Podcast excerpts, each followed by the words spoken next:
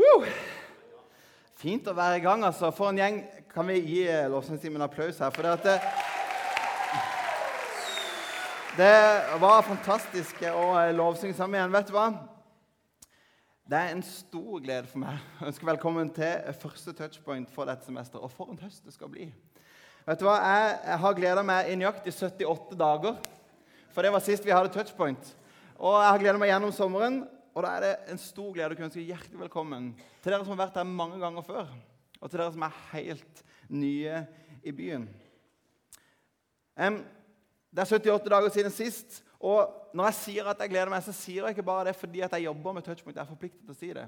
Kan være du tenkte det og sa nå bare, er det den regelen men, men, jeg sier det fordi at touchpoint er et fellesskap som betyr mye for meg. Og jeg håper at Hvis du har gått her lenge, så er touchpoint et fellesskap som betyr noe for deg. Og Hvis du er helt ny, så håper jeg i løpet av de neste torsdagene når du kommer her, så kan du kjenne at vet du hva, her er det godt å være. Sånn at Touchpoint faktisk kan bli en plass som får betydning for ditt liv også. Her finner du fellesskap, her finner du et sted å være, her finner du venner. Her er min plass. Jeg håper det kan bli sånn. Hjertelig velkommen skal du være. Og så gleder jeg meg til den høsten som vi skal bruke sammen. Eh, Hanna og Kristian de sto her i stad og fortalte om, om tjeneste og smågrupper. Jeg har lyst til å si at det er faktisk den beste måten du kan bli med i fellesskapet her på. Altså Den raskeste måten fra at liksom det blir de på touchpoint, til at det blir vi på touchpoint. For da, da, blir man liksom en del av gjengen, du blir liksom med i laget, og så er du med og tar ansvar. og så, så går det fellesskapsgjengen veldig kjapt. Sjekk ut. Skann QR-koden. Det er for kult at jeg klarer å si det en gang, vet du. Vi har eh, kul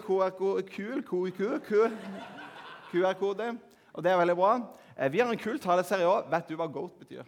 Han sa det jo. Jeg måtte òg eh, få vite det. For når vi lager taleserier sammen, så er vi et lite team som gjør det sammen. Vi er flere som taler, og vi er liksom, noen roller i Touchpoint som er med og lager serier. Så når den serien ble pitcha, GOAT Så det, hva er det for noe? Og jeg måtte få det forklart. Greatest of all time. Du har kanskje hørt det før. Jeg har det ikke. Men det er jo en sånn greie som du kanskje eh, dukker opp på Instagram. For eksempel. og har sett etterpå at jeg fikk dette forklart. Når det kommer bilder av en idrettsstjerne, så driver folk og sender sånn goat-emojis under i kommentarfeltet. Jeg sett det. Og Før har jeg tenkt hvorfor sender de sånn geiter, men det er fordi de er the greatest of all time. Dødskult. Det er nesten like kult som QR-kode. Så lærte du det. Skal si litt mer om det etterpå. Mitt navn er Marius Odne. Jeg jobber som studentpastor her på Touchpoint og i Randsund misjonskirke. Og så skal jeg få lov til å preke for dere. da. Går det bra? Ja, takk. Jeg vet ikke helt hva jeg hadde gjort hvis dere hadde sagt nei, men vi, da kjører vi på. Og Innledningsvis hadde jeg lyst til å spørre om, eh, om du har hatt noen sånn, sånn liksom goats i ditt liv. Altså sånn, om du har hatt noen forbilder, noen helter i ditt liv som ikke bare var sånn en fyr jeg så litt opp til, det var litt kul, men noen som var liksom Det var bare det største for meg. Jeg har hatt noen sånne. og Det første som liksom var min store helt, det var Kaptein Sabeltann. Det er jo dødsbra. Jeg kan fortsatt mange av sangene. Nå har jeg små barn som begynner å høre på de samme låtene. vet du, og Det er jo konge, liksom. Det er jo, Kommer alltid tilbake Ja, det er veldig bra. Og ikke bare så påvirka det liksom utseendet mitt, for jeg kledde meg stadig ut som Sabeltann, sånn, men det påvirka også min atferd når jeg var liten. Og såpass stort forbilde at en kveld når jeg var liten gutt, så var vi på familiens hytte, som ligger liksom ute i Gokk, ned forbi Evje et sted. Det er bekmørkt på natta, det er ingen, ikke strøm, ingenting. Eh, så min far når han skulle legge meg, han var nok litt bekymra for at jeg skulle bli litt redd. Det var jo tross alt bekmørkt. Eh, det er jo ikke lys i mils omkrets, for det ligger så avsides. Eh, så jeg skjønner at han var litt stressa. Så han spurte på en måte om det gikk bra med meg. og Så ble han kanskje enda mer stressa over det svaret han fikk, for jeg sa 'Pappa, passer Jesus på meg nå?' sa jeg. Og min far skulle være veldig pedagogisk. Så, 'Ja, Jesus passer alltid på deg.' Og så svarte jeg, 'Men du, du kan si til Jesus han trenger ikke passe på, for jeg har sabeltannsverdet mitt.' Det er bra, vet du. Da skjønner du at du har en helt i livet. Antagelig hadde Sabeltann fått mer plass i livet mitt enn det Jesus hadde. når jeg var liten. Det vet jeg ikke hvor bra det var, men en annen stor helt jeg hadde, det var David Beckham. Jeg vet ikke om du liksom, eh, er for ung til å ha hørt om David Beckham. Jeg begynner å bli ganske gammel, men, men David Beckham var det store helten. Jeg prøvde å ligne liksom, David Beckham tidlig som fotballspiller. Han var jo bare dritfet. Og jeg begynte tidlig å prøve å terpe for å liksom bare henge med liksom litt. Jeg har litt å gå på. Jeg ble aldri like god. Men det begynte med fotballen, og så etter hvert så begynte det med hårfrisyr. Jeg vet ikke om du ser at Sist jeg var hos frisøren, så spurte jeg om jeg kunne se litt sånn som dette ut. Og nå har håret vokst litt, men det er nesten litt, og så vet du, skjegget så det er nesten. Kanskje. Hvis du legger godvilje til frisøren Jeg sa hvis du får meg til å se så bra ut, da har du gjort en veldig god jobb. De klarte det ikke helt. Men eh, min mor var veldig betatt av Beckham, for eh, han hadde jo veldig fint, langt hår. Så de prøvde på meg da jeg var liten. Eh, nesten, men ikke helt. Eh, jeg måtte prøve en gang da jeg var ungdom også, for å prøve å begynne på det langt hår, men jeg så så utrolig dum ut at vi måtte bare gi oss til slutt. og så måtte jeg klippe meg. Da gikk jeg for denne frisyren i stedet for. Og Beckham hadde den, tenkte jeg må kjøre samme greie. Prøvde en litt sånn skade, men eh, det funka ikke så bra, det heller. Ble liksom ikke helt min look. Og jeg fortsatte oppe i ungdomsåra. Jeg ser opp til Beckham. Han fortsatte ny frisyre på Beckham. Skal se om jeg får den til å virke igjen. Nå, nesten. Der, du. Ny frisyre på Beckham. Og jeg blir med på trenden. Prøver, og så Nesten.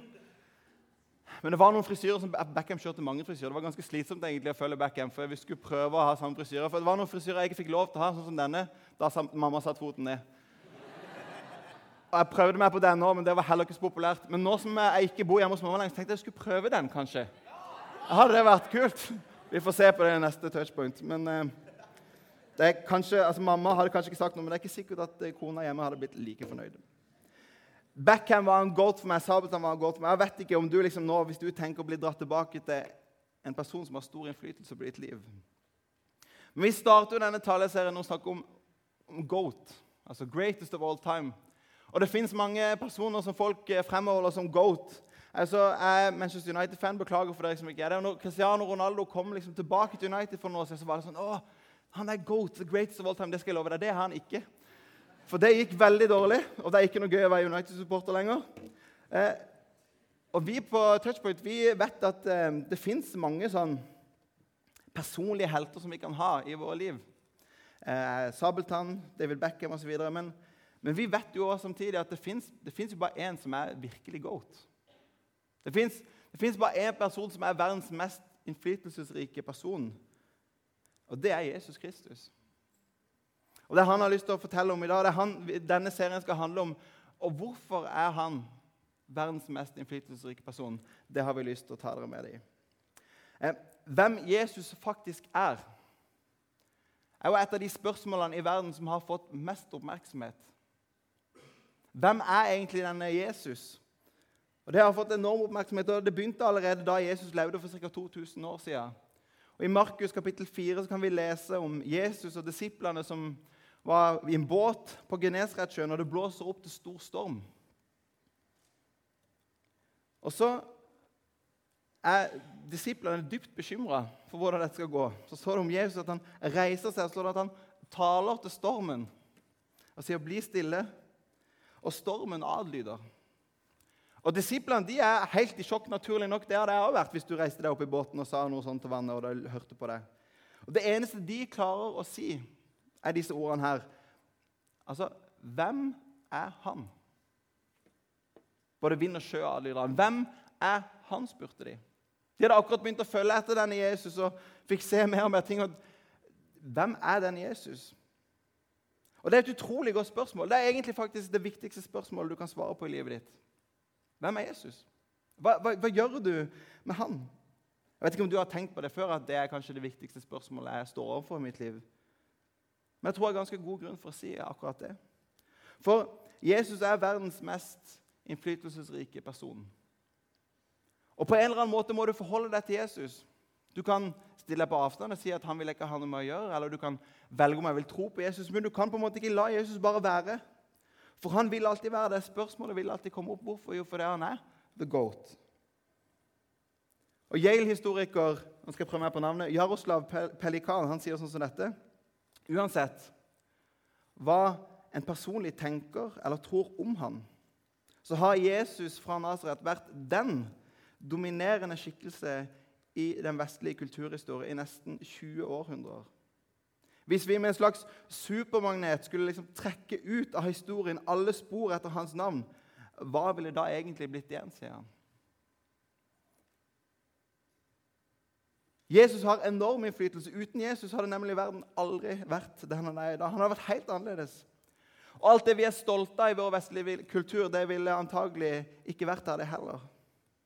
Uten Jesus hadde mange av de tingene som vi tar for gitt i vår verden, ikke vært sånn som de er i dag. I boka 'The Victory of Reason' så skriver religionssosiolog Rodney Stark Det er en veldig bra bok, forresten. At han er ikke kristen sjøl, men han sier at den vestlige suksess skyldes i stor grad påvirkning av Jesus. Han sier Verdier som frihet, fornuft, velferd, demokrati, verdier som vi har veldig høyt, kan direkte ledes tilbake til kirke og til Jesu påvirkning på kulturen. Det er det som får John Ortberg til å si i sin bok Jesu perspektiv på livet fortsetter å hjemsøke og utfordre menneskeheten. Hans innflytelse har feid over historien, og han har påvirka kunst, vitenskap, politikk, medisin og utdannelse. Han har lært mennesker om verdighet, medfølelse, tilgivelse og håp. Vi må stille oss spørsmålet hva, hva gjør vi med Jesus? Hvem er egentlig Jesus? Hvem er han for meg? Vi tenker f.eks. at det er helt selvsagt at alle mennesker er like mye verdt. Det tenker vi i Norge, men det har aldri vært selvsagt før Jesus. Ta Aristoteles, for eksempel, som er en kjent tenker som har prega masse tanke, eh, tanke, tankesett i vår verden. Han sier bl.a. at noen er slaver, og noen er mestere. Det er naturens orden. Sånn er det bare.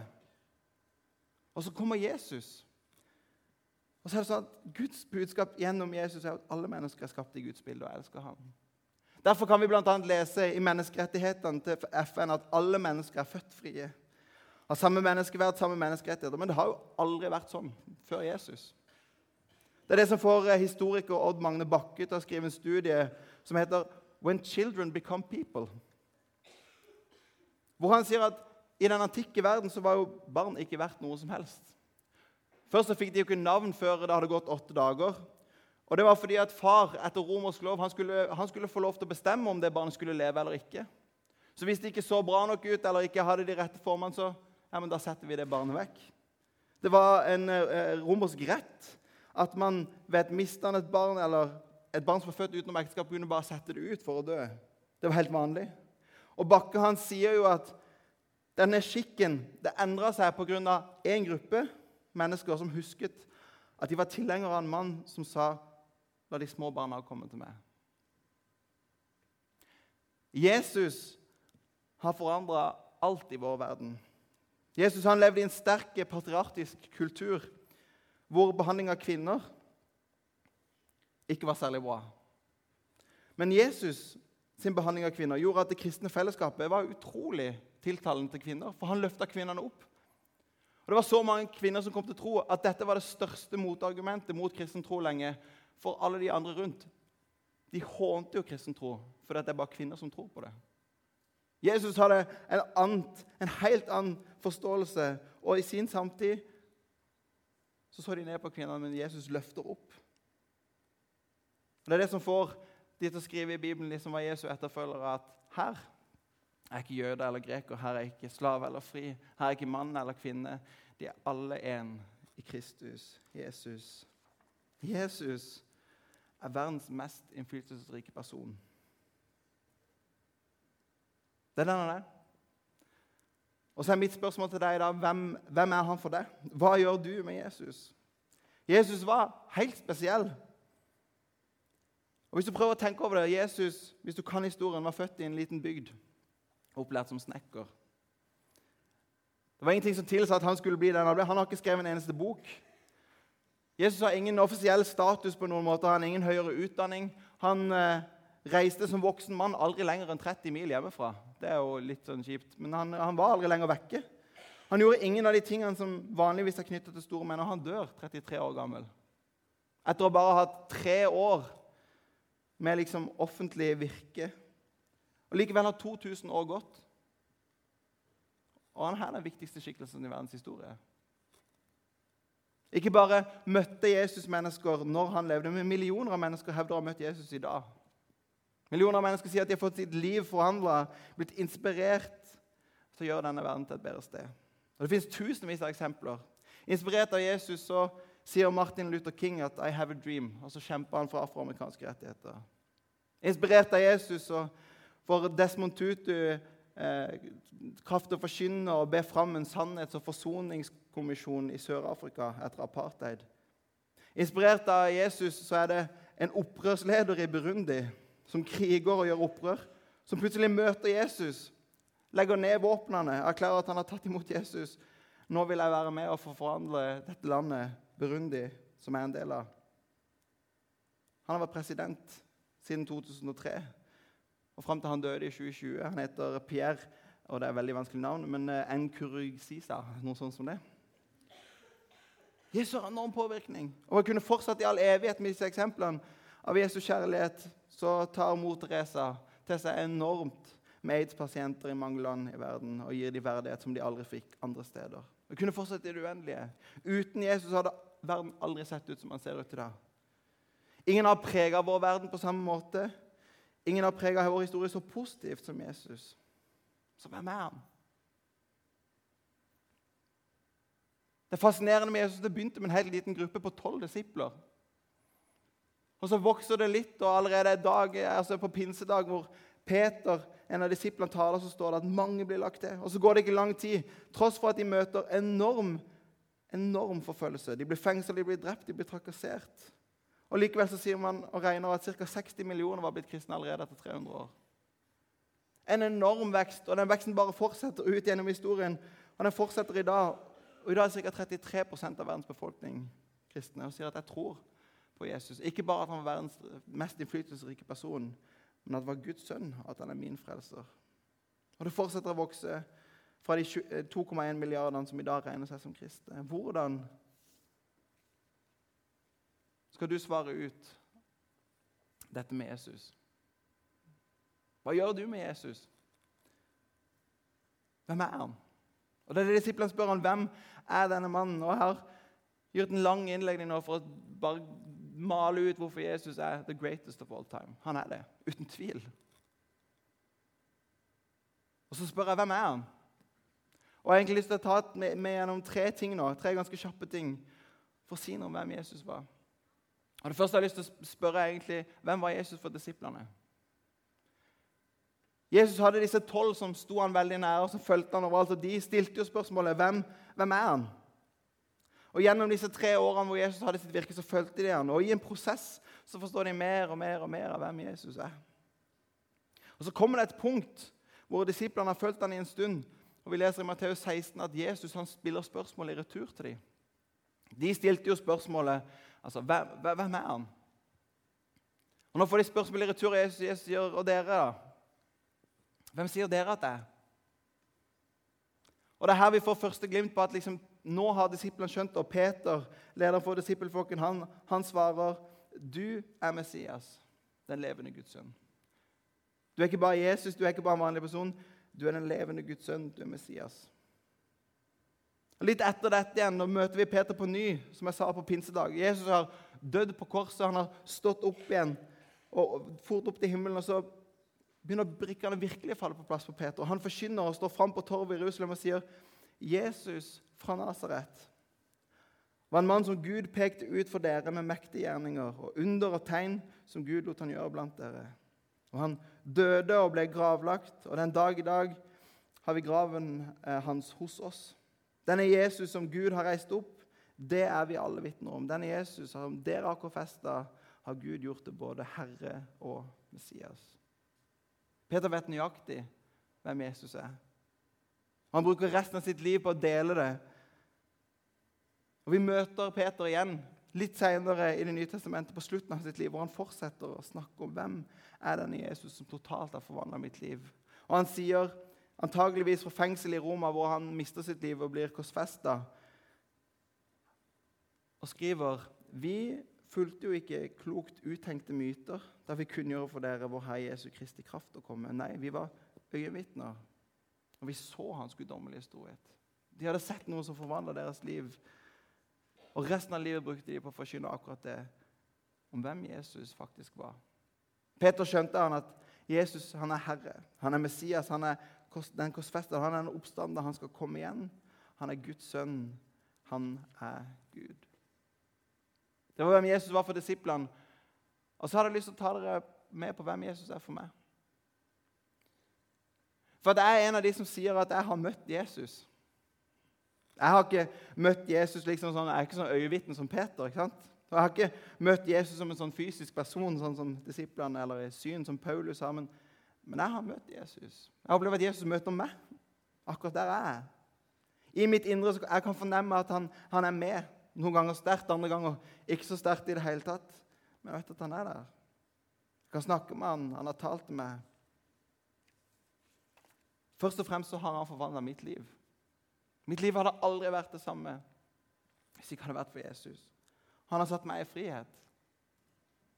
Han har gitt meg den nåden og den kjærlighet som er grunnlag for mitt liv. Jeg vet faktisk ikke hva jeg skulle gjort uten han. Han er den som overbeviser meg om at mitt liv har verdi, ikke noe annet. Ikke bare er han verdens historiens viktigste person, men han er den viktigste personen i mitt liv. Ikke bare er han verdens frelser, men han er min frelser. Han er min herre, han er min Gud.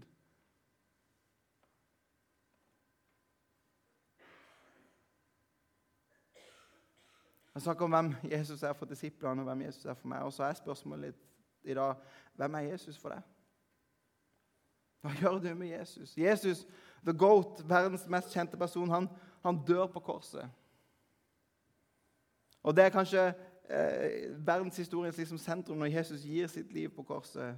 Og Når han dør, så kan vi lese sammen fra Markus evangelium kapittel 15 at det står litt ulike mennesker rundt det korset. Jesus dør der, og det står ulike mennesker rundt. og Først kan du lese om de som gikk forbi og rista på hodet og spotta Jesus som hang der. Så kan du lese litt videre og så kan du lese om, om en offiser som sto der ved korset. Så står det at da offiseren skal vi se om jeg får den med, Da offiseren sto da offiseren som sto rett overfor ham, så hvordan han utåndet, så sa han sannelig denne mannen var Guds sønn. I tillegg så står det noen andre der eh, som, som sto litt på avstand. De visste kanskje ikke helt hva de skulle gjøre med Jesus, hvordan de skulle forholde til det som skjedde på korset der. Og Så får vi lese at det står, det er noen flere der, blant annet. var Maria Magdalena der, osv. De hadde fulgt Jesus og tjente ham da han var i Galilea.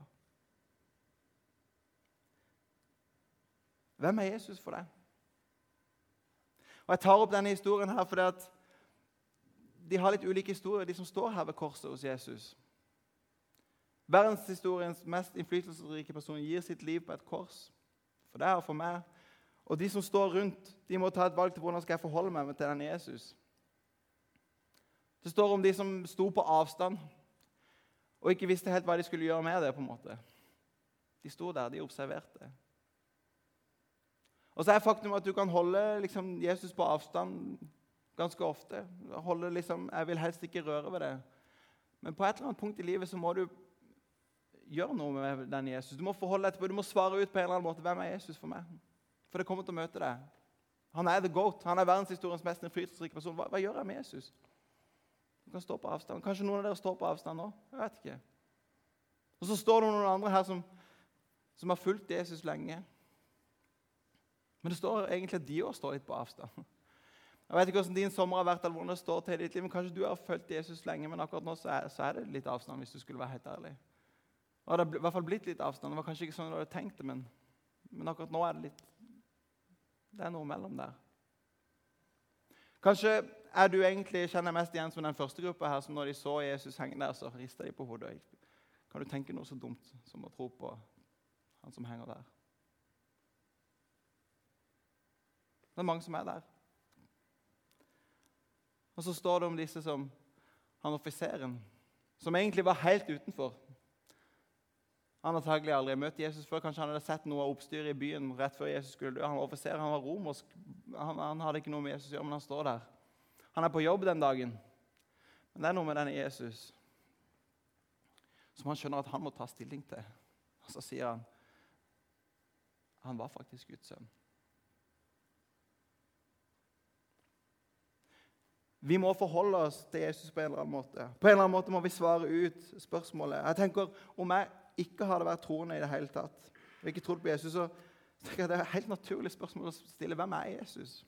For han har forandra alt. Og Forfatteren C.S. Lewis han sier mye av det samme. Han er kjent for å ha skrevet bøkene om Narnia. som du kanskje har hørt om Han Han sier noe om dette når han sier at du må ta et valg altså om Jesus. Jesus var enten den han påsto han var, eller så var han verdens største svindler.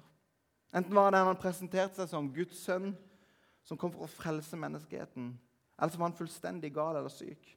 Du kan ikke plassere han et sted i midten. Han kan ikke være en stor lærer eller et moralsk forbilde og samtidig være en løgner og bedrager. Du må ta et valg. Hvem er Jesus for deg? Hvilke av disse personene rundt Jesus kors kjenner du deg mest igjen i? De som håner, eller de som har fulgt Jesus lenge, eller han offiseren som ser at her er det noe. Det er noe med den Jesus. Her er det noe jeg må få tak i.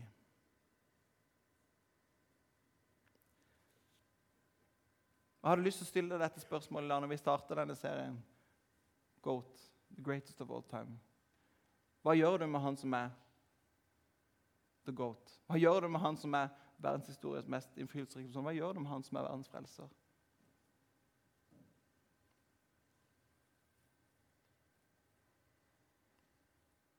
Kanskje kan du som kjenner at du er faktisk litt på avstand, ta et steg nærmere i dag. Sjekke det litt nøyere ut, liksom. Det er lov å være skeptisk. Men da går det an å sjekke ut litt nøye. Kan, kan dette faktisk stemme. Gir det noe mening? Og Hvis du egentlig var en av de som, som hadde fulgt Jesus en stund, men som, men som sto der litt på avstand Kanskje jeg kan komme tilbake til Jesus og si vet du hva, det var ikke sånn jeg ønska at det skulle ta. Det var ikke sånn jeg at det skulle bli, men her er Jesus. Du er ikke bare verdens frelser, men du er min frelser.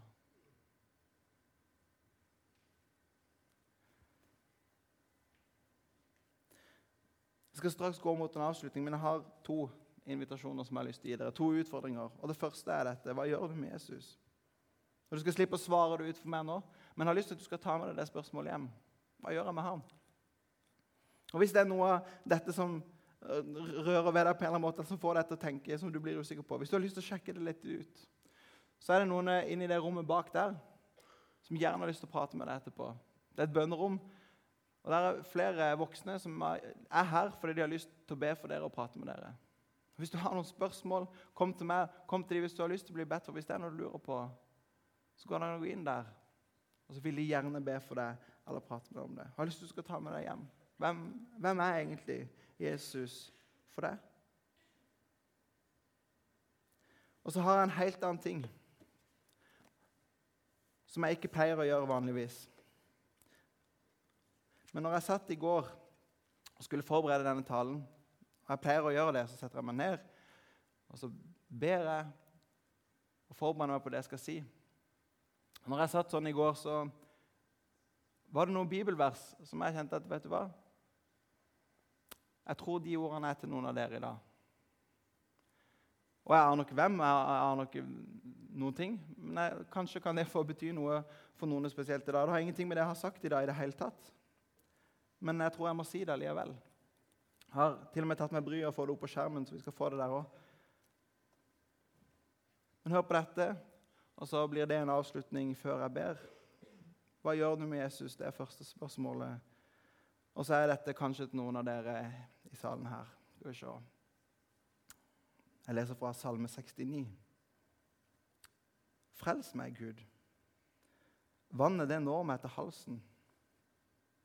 Jeg har sunket ned i myr og dyp, og foten finner ikke feste. Jeg har kommet ut på dypt vann, og flommen skyller over meg. Jeg er trett av å rope. Strupen er hes, øynene mine slukner. Jeg har venta på min Gud. Når jeg ber til deg, Herre, i nådens tid, til deg, Gud, svar meg. I din trofaste hjelp, redd meg fra å synke, gjør meg redd meg fra de som hater meg, fra, dyp, fra det dype vannet. La ikke flomvannet skylle over meg. Trengsler og ulykker lot du meg se. Men du vekker meg til liv på ny og du løfter meg opp igjen.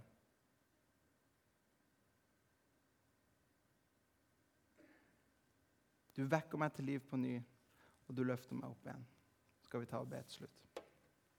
Herre Jesus, jeg har lyst til å takke deg for hvem du er. Det er du som er verdenshistoriens mest innflytelsesrike person. Men du er ikke bare innflytelsesrik, du er verdens frelser, Herre. Du er vår frelser. Du er min frelser. Du er Gud. Herre Jesus, jeg takker deg for at vi kan få lov til å står på avstand av og til og tenker hva skal jeg gjøre med Jesus? Jeg takker deg for at vi kan få lov til å komme nær og få lov til å erfare hvem du er i våre liv. Og all den kjærligheten og godheten og nåden som du har å komme med.